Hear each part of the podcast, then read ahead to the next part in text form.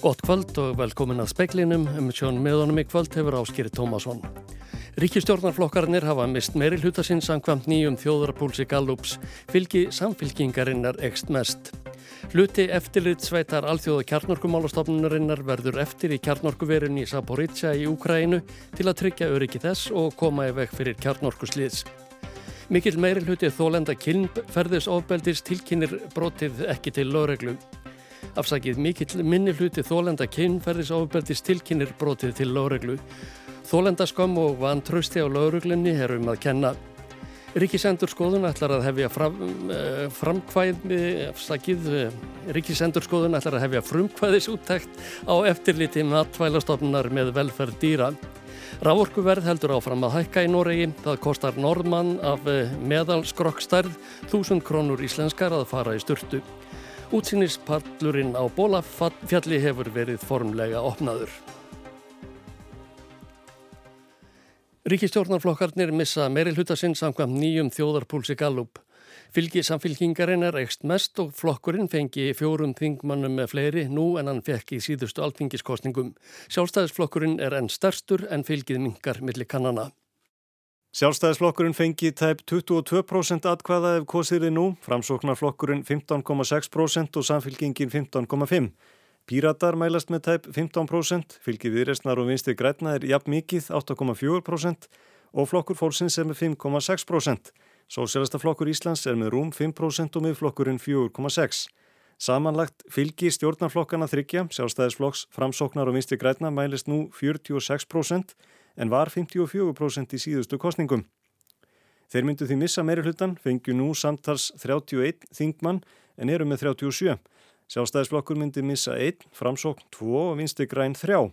En 49% þeirra sem tóku þátt segjast þó stiðja ríkistjórnina.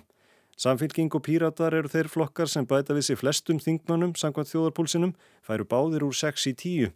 Sósjálfstaflokkur Íslands myndi fá þrjá þingmenn en náðu ekki manni inn í kostningunum. Viðreist heldur sínum fimm, flokkur fólksins fer úr 6 í 3 og miðflokkurinn fengi einn þingmann kjörinn. Könnunin var gerð annan til 31. ágúst, hildar úrtækið 10.719 en þáttökul hlutvallið tæp 49%. Bjarni Pétur Jónsson tók saman. Hluti eftirlit sveitar alþjóðu kjarnorkumálastofnunarinnar verður eftir í kjarnorkuverin í Saporitsa í Ukrænu til að tryggja öryggi og forða kjarnorkuslýsi. Þetta segir Rafael Grossi, framkvæmdastjóri stofnunarinnar og leðtói sveitarinnar að heimsókn lokinni í dag. Grossi og 13 til viðbótar heimsóttu verið í fyrsta sinn í dag eftir ítrekkaðar sprengjuárosir á svæðið. Grossi byrti yfirlýsingu um gangmála á Twitter þar sem hann sagði eftirlitsveitina hafa sankað að sér nöðsynlegum upplýsingum í dag. Lekilsvæði innan kjarnorkuversins hafi verið skoðuð á þessum fyrsta degi heimsóknarinnar, hins vegar standi til að halda áfram vinnu á vettvangi næstu daga. Þá sagði framkvæmdastjórin sömu leiðis að svo ákverðun hafi verið tekin að eftirlitsteimi frá alþjóða kjarnorkumálastofnuninni verði áfram á staðnum. Úkrænsk stjórnvöld sögðust fyrir stundu vinna hörðum höndum að því að tryggja að fymti kjarn og opn versins verði ræstur á nýjan leik eftir að það sloknaði á honum í morgun er sprengjum var varpað á bæin í kringum kjarnorku verið. Rússar tóku yfir svæðið á upphafstugum innrásar sinnar í Úkrænu í vor. Úkrænustjórn hefur ítrekkað krafist þess að rúsneski herin hörfi frá verinu svo hægt verða að tryggja öryggi þess. Þorgnir Einar Albertsson tók saman. Ríkisendurskoðun hefur ákveðið að hefja frumkvæðis úttækt á eftirliti matvælastofnunar með velferð dýra. Niðurstaða úttæktarinnar verður byrt í opimberri skýrslu til alþingis. Ríkisendurskoðandi segir í samtali við fréttastofu að ærið tilefni sér til að skoða þennan þátt í starf sem er mast, ekki síst eftir umræðu síðustu daga um hóruðurrossin í Borgarnesi. Fullitt hefur verið í fréttum síðustu daga að tæplega 20 hrossum hafi verið haldið inni í nánast allt sömar í hestúsi í hestúsakverfunni í Borganesi. Hrossin hafi verið sögð aðframkomin úr hór og voru flutt í skjóli nætur af eiganda þeirra í gerkvöld.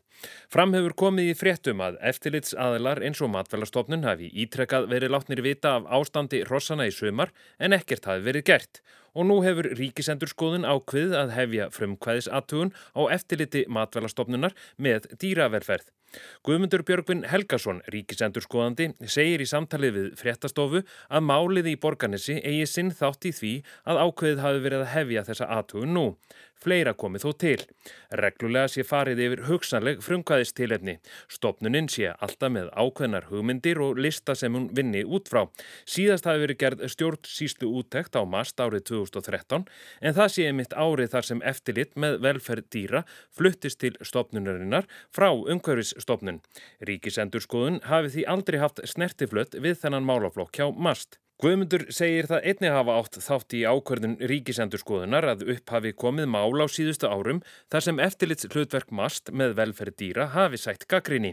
Því hafi verið talið ærið tilefni til að skoða þennan þátt og ef það séu einhver álita mál sem stopninin verði áskinni um, verði tilhýðilugu ljósi varpað á þau.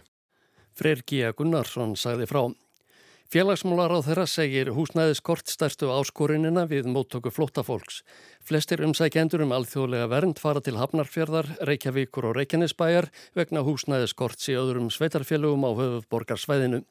Þau hafa kvartað undan álægi því og af margt fólk sé flutt þangað. Félagsmálaráðunettið vinnur að eh, samningum við 30 sveitarfélug til viðbótar um samræmda móttöku flótafólks sem lettir á álægi á sveitarfélug sem hafa tekið á móti flestum hinga til. Eitt af þessum sveitarfélugum er fljótstallsherað. Fljóstað sér að mun vonandi koma inn í samröndum móttökuna þegar samningarnir eru tilbúinir. Eh, þetta er alveg á loka metrunum á eigðum og við erum að vonast til þess að þar geti fljótlega fólk flutt austur sem að ég held að sé mjög jákvægt bæði fyrir austurland og fyrir það fólk sem að þanga mun, mun flytt. Saði Guðmundur Ingi Guðbrandsson. Antonio Guterres framkvæmdastjóri samanuðu þjóðana hvetur kynverja til að taka alvarlega þær upplýsingar eh, sem byrtust í nýri skýrslu mannréttindaráðsins. Þar eru kynverjar sakaður um ofsóknir gegn úígúrum og öðrum minnilutahópum í Xinjiang hér aði. Þeir eru meðal annars sagði sæta pyntingum, nöðungarvinnu og gerraðislegum frelsissviftingum. Nánar verður fjallað um skýrsluna í síðar í speklinum. Útsýnispallurinn á Bólafjalli ofan eh, Bólungavíkur var opnaður formlega í dag. Öll ríkistjórnin var viðstött opnunina. Jón Páll Hreinsson, bæjarstjóri í Bólungarvík, segir að á þeirra misloftrætta. Við vorum svo ótrúlega eh, heppið með veður sem er, er reyndar alltaf gott veður í Bólungavík eins og mér byrði skildað til þess að segja. Það var frábært útsinni og, og gríðalega fallegt þannig að þetta, þetta var einhvern veginn skrifað í skíin að þetta er því góðu dagur. Saði Jón Pál Hreinsson. Ráþurum hafi litist vel á framkvöndinnar og ekki verið smekir þrátt verið ægifægurt útsinni. Fólk er mismunandi svona loftrætt og, en það var allir sem fór út á. Þannig að Þannig að það var uh, bara hrikala góð stemming þarna í hófnum. Bolvíkingurinn Pétur Vigfússon opnaði pallin eftir áskorun frá Jóni Páli. Hann er í hjólastól og er með sérutbúin bíl sem að getur gert og ég var búin að taka eftir honum upp á fjallin nokkur sinnum þegar hann kom og kíkti. Pallurinn er mjög aðgengilegur fyrir bæði þá sem eru í hjólastól og aðra sem er auðvitað með gang. Það geta allir notið útsynisins sem kom upp á bóla all. Þetta sagði Jón Páll Hreinsson, Ingi Björg Sara Guðmundsdóttir talaði við hann. Mikill minni hluti þólenda kemferðisofbeldis tilkinir brotið til lóreglu. Doktori af brótafræði segir að enn sé þólendaskömm og vantröst til lóreglu ríkjandi. Eitt tíundi þeirra sem leitiðu aðstóðar stígamóta á síðasta ári eftir að hafa þólað kemferðisofbeldi kæriði málsitt til lóreglu. Þetta kemur fram í áskýslu stígamóta. Aldrei hafa fleiri brotaþólar leitað sér aðstóðar í fyrsta sinn hjá samtökunum en í fyrra.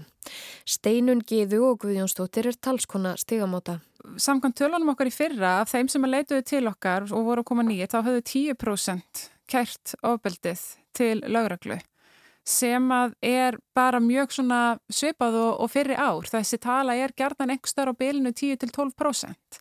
Þannig að, að fólkinu sem kemur til okkar sjáum við ekki endilega aukningu í því að leita rétt að síns að því að bara það er mikil fjölgun yfir höfuð í þeim sem koma til okkar. En hins vegar veit ég alveg frá lauruglu því að uh, maður sér það í tölfræðinu sem Ríkslaurglstjóri gefur út að það er mjög mikil aukning í kæruðum brotum til lauruglu. Mm -hmm. Og er eitthvað hægt að krifja það? Það hefur mikið verið í umræðinu að þólendur kemferðsofbeldir sérstaklega hafi ekki treyst nógu vel laurugluðuvöldum til þess að fara með málinn þeirra. Er eitthvað breytast þar?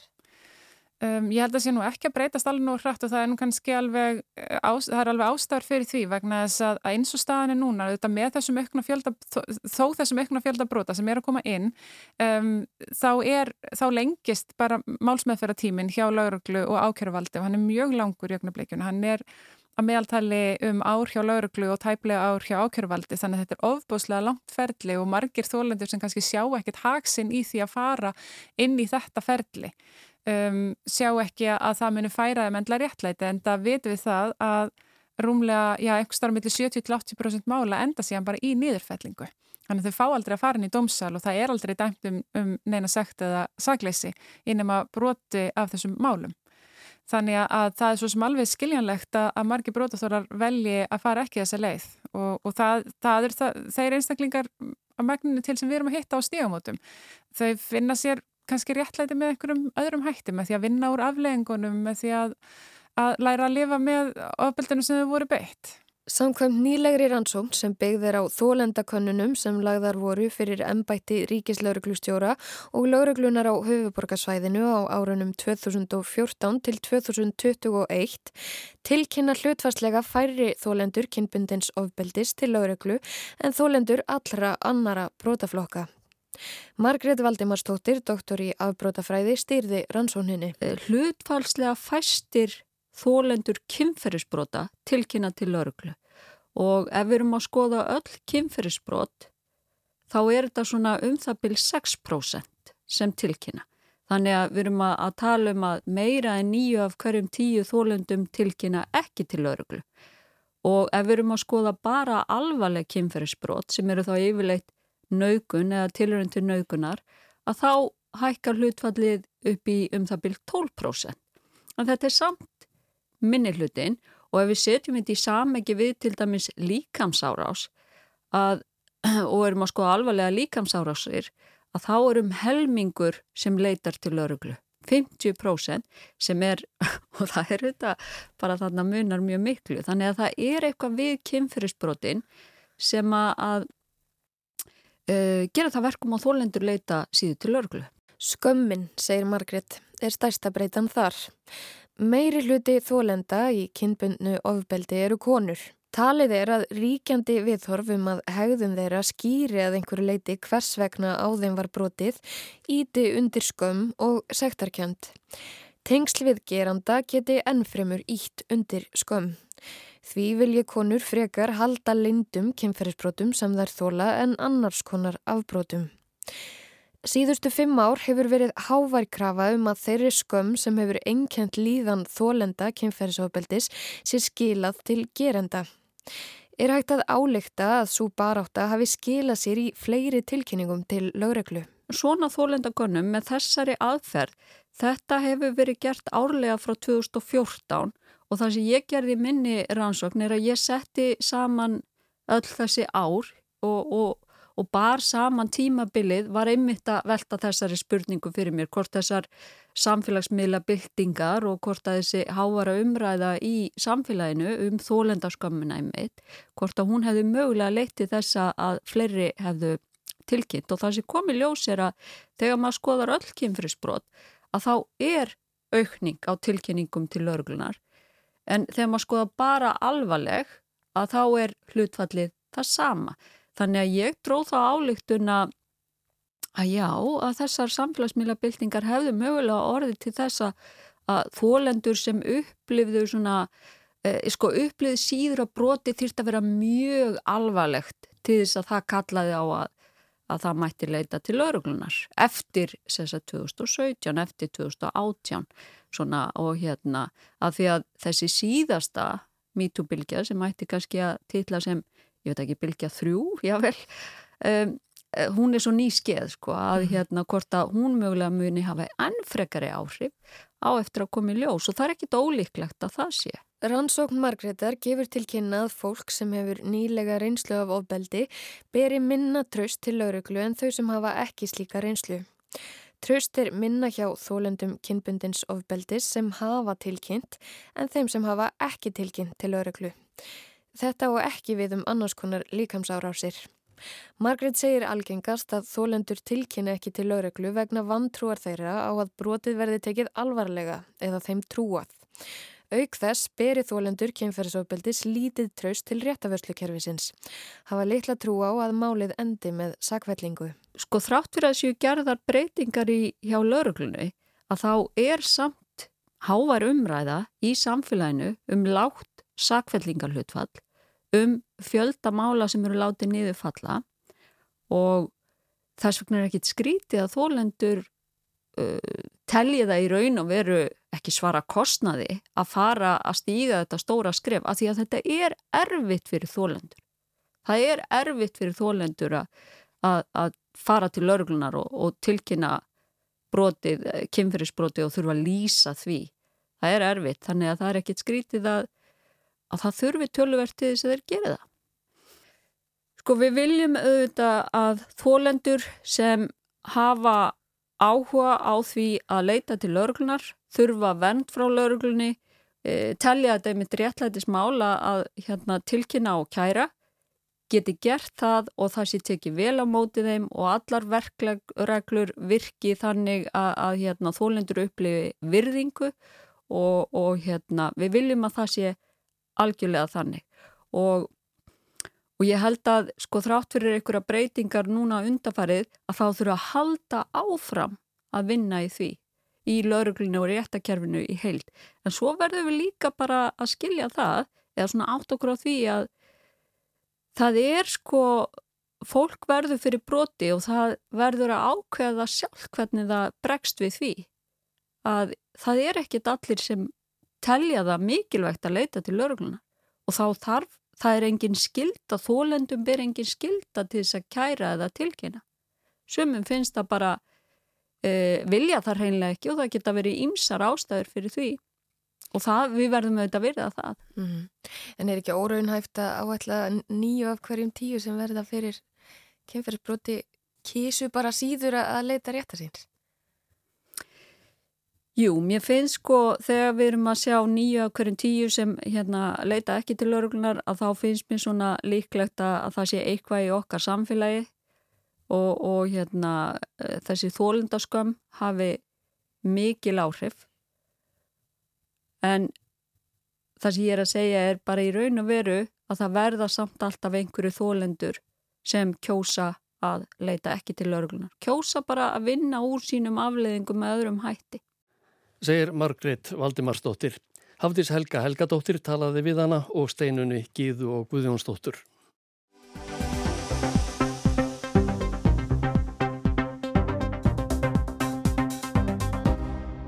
Stjórnvöldi Kína eru ævareið vegna skýrslu mannréttindastjóra saminuðu þjóðana um hörmulegt ástand mannúðarmála í Xinjiang hér aði í norðvestur luta landsins. Í henni eru þau sökuðum að hafa brotið alvarlega á mannréttindum úígúra og fleiri minni hluta hópa í héræðinu. Brotinn talja sér fræðingar ráðsins að þau kunni að flokkast sem glæpir gegn mankinni. Skýrslunar hefur verið beðið lengi. Hún var lokskerð opimber 11 mínútum áður en Michelle Bachelet, mannréttindastjóri saminuðu þjóðana, leta af ennbætti eftir að hafa gengt við síðastliðin fjögur ár. Bachelet hafði greint frá því að kynverar eh, beittu hana miklum þrýstingi til að byrta skýrsluna ekki. Sjálf fór hún í vettvangsferði í mæ og heimsótti tvær borgir í héræðinu til að kanna ástandið. Skýrslan er 48 blaðsíður sem þykir lítið með við hversu langan tíma tók að gera hana og byrta. Í henni er eh, máluð dökkmynd af ástandi mannréttindamála í Xinjiang. Þar segir að trúverður vísbendingar hafi komið fram um að fólk hafi verið svift frelsi fyrir litlar eða engar sakir, jafnvel af handahófi og pintað í fangabúðum. Vittni greindu frá því að föngum hafi verið nöðgað og þeir beittir öðru kynferðislegu ofbeldi í búðunum sem kynverjar kallar reyndar verkmentaskóla. Úíkórar skýrður ansakandum mannreittindaraðsins einni frá því að þeir hefðu verið þvingaðir til að gangast undir ímiskonar læknismeðferð meðal annars verið gerðir ófrjóir. Öll þessi ílvirki hafi yfirvöld unnið undir því yfirskinni að þau væruð að berjast gegn hriðjuverkum. Í skýrslunni segir að óvist sé um fjölda þeirra sem er og hefur verið haldið nöðugum í fangabúðunum. Líkast til séu þeir yfir ein miljón. Skoraði er á stjórnvöld að sleppa án tafar öllum sem séu í haldi í búðunum án þess að það var neitt til saka unnið og upplýsa hvara aðrir eru nýður komnir sem hafa verið látnir lausir. Stjórnvöldi Peking hafa enn sem komið er lítið tjáð sig um skýrsluna sem þau vildu að erði stungið undir stól að öðru leiti en því að Veng Webin, talsmaður utanríkisráðunettisins, brást harkalega við þegar hann var spurður út í hana og fundi með frettamönnum í dag.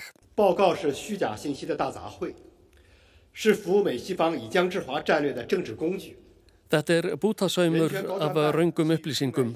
Bandaríkin og aðrar vestrænar þjóðir ætla að nota Xinjiang til að halda aftur af Kína og braut með því gegn megin reglum sínum um hlutleysi að skoða mál frá öllum hlýðum og láta pólitískan áróður ekki hafa áhrif á niðurstöður sínar.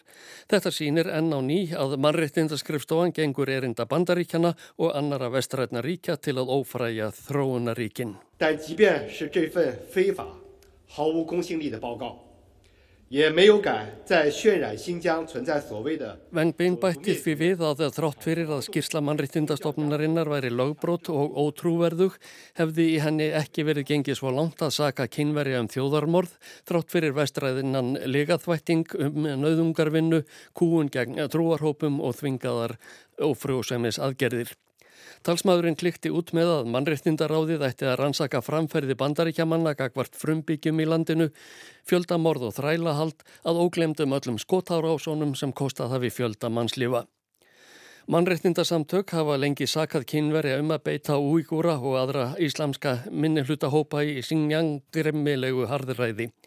Forsvarsmenn þeirra hafa beðið eftir skýrslu mannrettindastjórans með óþreyju og undrast hver lengi hefur dreyist að byrta hana. Adrian Stens, mannfræðingur og félagi í bandarísku hugveitinu Victims of Communism Memorial Foundation hefur flestum betur rannsakað starf sem er fangabúðana og framferði yfirvalda gegn þeim sem þar eru vistaðir. Hann sagðist í viðtali við Braska ríkisútvarpið BBC ekki hafa búist við kjarnirtu innihaldisk í skýrslunni ef hún erði þá byrta á annað borð. En þegar á heldina sé litið sé hún gangleg upp á framtíðin að gera. All in all it's a very authoritative report that will be a very useful tool going forward. Adrian Sands segir að þar sem skýrslan sé loksins komin út sé boltin hjá þjóðum heims að notfæra sér efni hennar þar á meðal saminuðu þjóðunum. I think it's really now up to governments to make use of this and to follow up on the statements, including at the UN. Þetta sagði Adrian Zenz.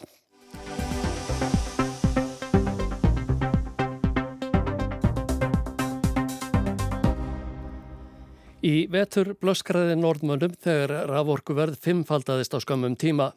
Núna hefur það tífaldast í haustsólinni.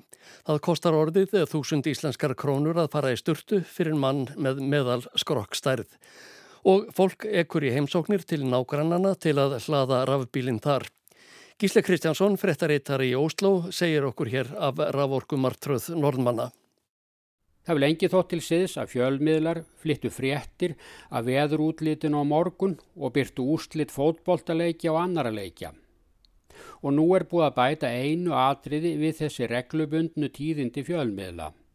Hvað kostar að fara í sturtu í fyrramálið? Núna í gær var niðurstan 70 krónur fyrir meðal sturtu á mann Sunnarlands. Það eru um þúsund íslenskar krónur. Á ég að fara í sturtu um miðjanótt þegar rafmagsverði lægst eða bara sleppa því enn einu sinni.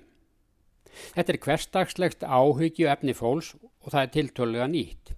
Ef til öll ár síðan farið var að flytja reglumundna fréttir að ramagsverði og rekna út hver mikið einstakar aðtapnir á heimilum landsmanna kostuðu. Er ráðlegt að hita vatni í kaffi og hlusta á morgunútvarpið samtímis.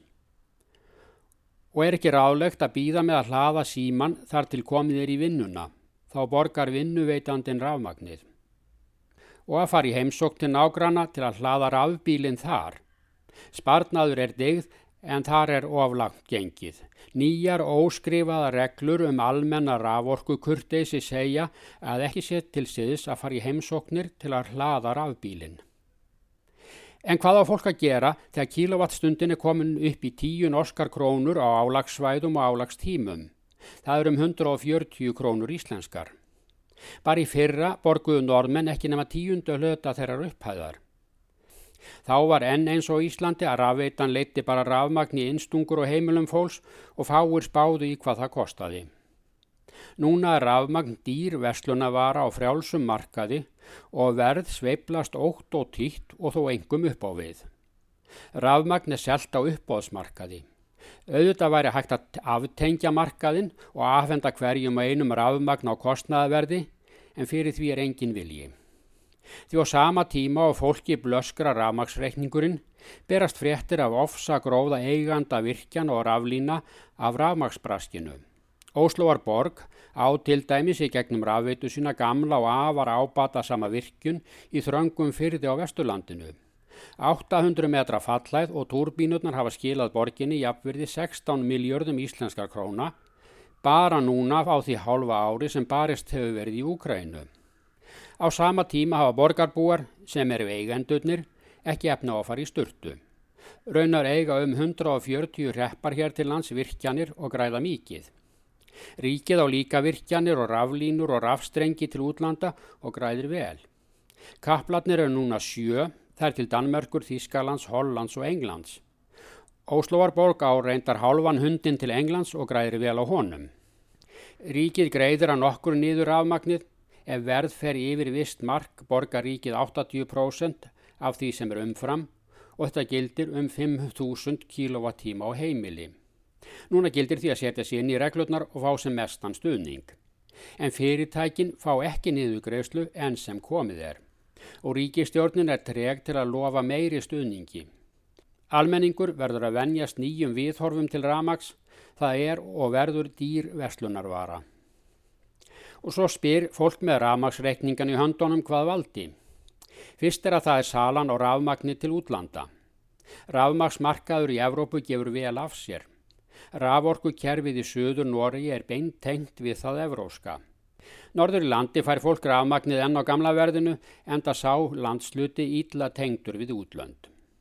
Nýjir útreikningar frá óháðri stopnun segja að 25% af raforkuverðinu meiri ekki til útflutningsins. Samt ekki meira en það. Lítil úrkoma í vetur og sumar veldur því að uppistöðu lón er að tæmast. Það verður að hækka verði til að fá hólkið til að spara. Að baki öllu býr svo gasskorturinn í Evrópu vegna innrása rúsa í Úkrænu. Pútín rúslandsfósetti hefur stöðugt minna að bjóða af gasi. Þó segja menn að gasskorturinn sé aðeins hluti af rekningnum. Þó stríðinu ljúki og Pútín skrúi frá krönunum yrði rafmagn eftir sem áður dýrt. Það er búið að loka bæði kólaverum og kjarnorkuverum í Evrópu til að draga úr mengun og umhverfisfá. Það vantar því meira rafmagn inn á evróska kerfið og í Noregi vantar meiri rigningu og fleiri virkjanir. Og frá rávorku raunum norðmanna að veður horfum hér á landi næsta sólaringin Suðaustlæg eða breytileg átt, 3-8 metrar á sekundu og viða skúrir en snýst í norðaustan 5-10 norðan til í kvöld. Norðan og norðaustan 8-15 um landið vestanvert á morgun en annars hægari. Ryggning öðru kvoru norðan og austan til en annars bjart með köplum. Það dregur úr vindi og vætu undir kvöld og hiti verður 8-16 stig. Það var helst í speiklinum í kvöld að ríkistjórnarflokkarnir hafa mist meiri hluta sinn samkvæmt nýjum þjóðarpúlsi Gallups. Fylgi samflingingarinnar ekst mest. Hluti eftirlitsveitar alþjóð og kjarnorkumálastofnunarinnar verður eftir í kjarnorkuverinu í Saporitsa í Úkrænu til að tryggja öryggi þess og koma í veg fyrir kjarnorkuslýðs. Mikill minni hluti þólenda kynferðisofbeldi tilkynir brotið til lögreglu. Þólenda skömm og vantraust á lögreglunni er um að kenna. Ríkisendur skoðun ætlar að hefja frumkvæðis úttækt á eftirliti matfælastofnunar með velferð dýra. Raforkuverð heldur áfram að hækka í Noregi og það kostar norðmann af meðal skrokkstærð þúsund krónur íslenskar að fara í sturtu. Og útsýnispallurinn á bólafjalli hefur verið formlega opnaður. Fleira er ekki í speiklinum í kvöld. Tæknimaður í útsendingu var Magnús Þorsteit Magnússon. Verðið sæl.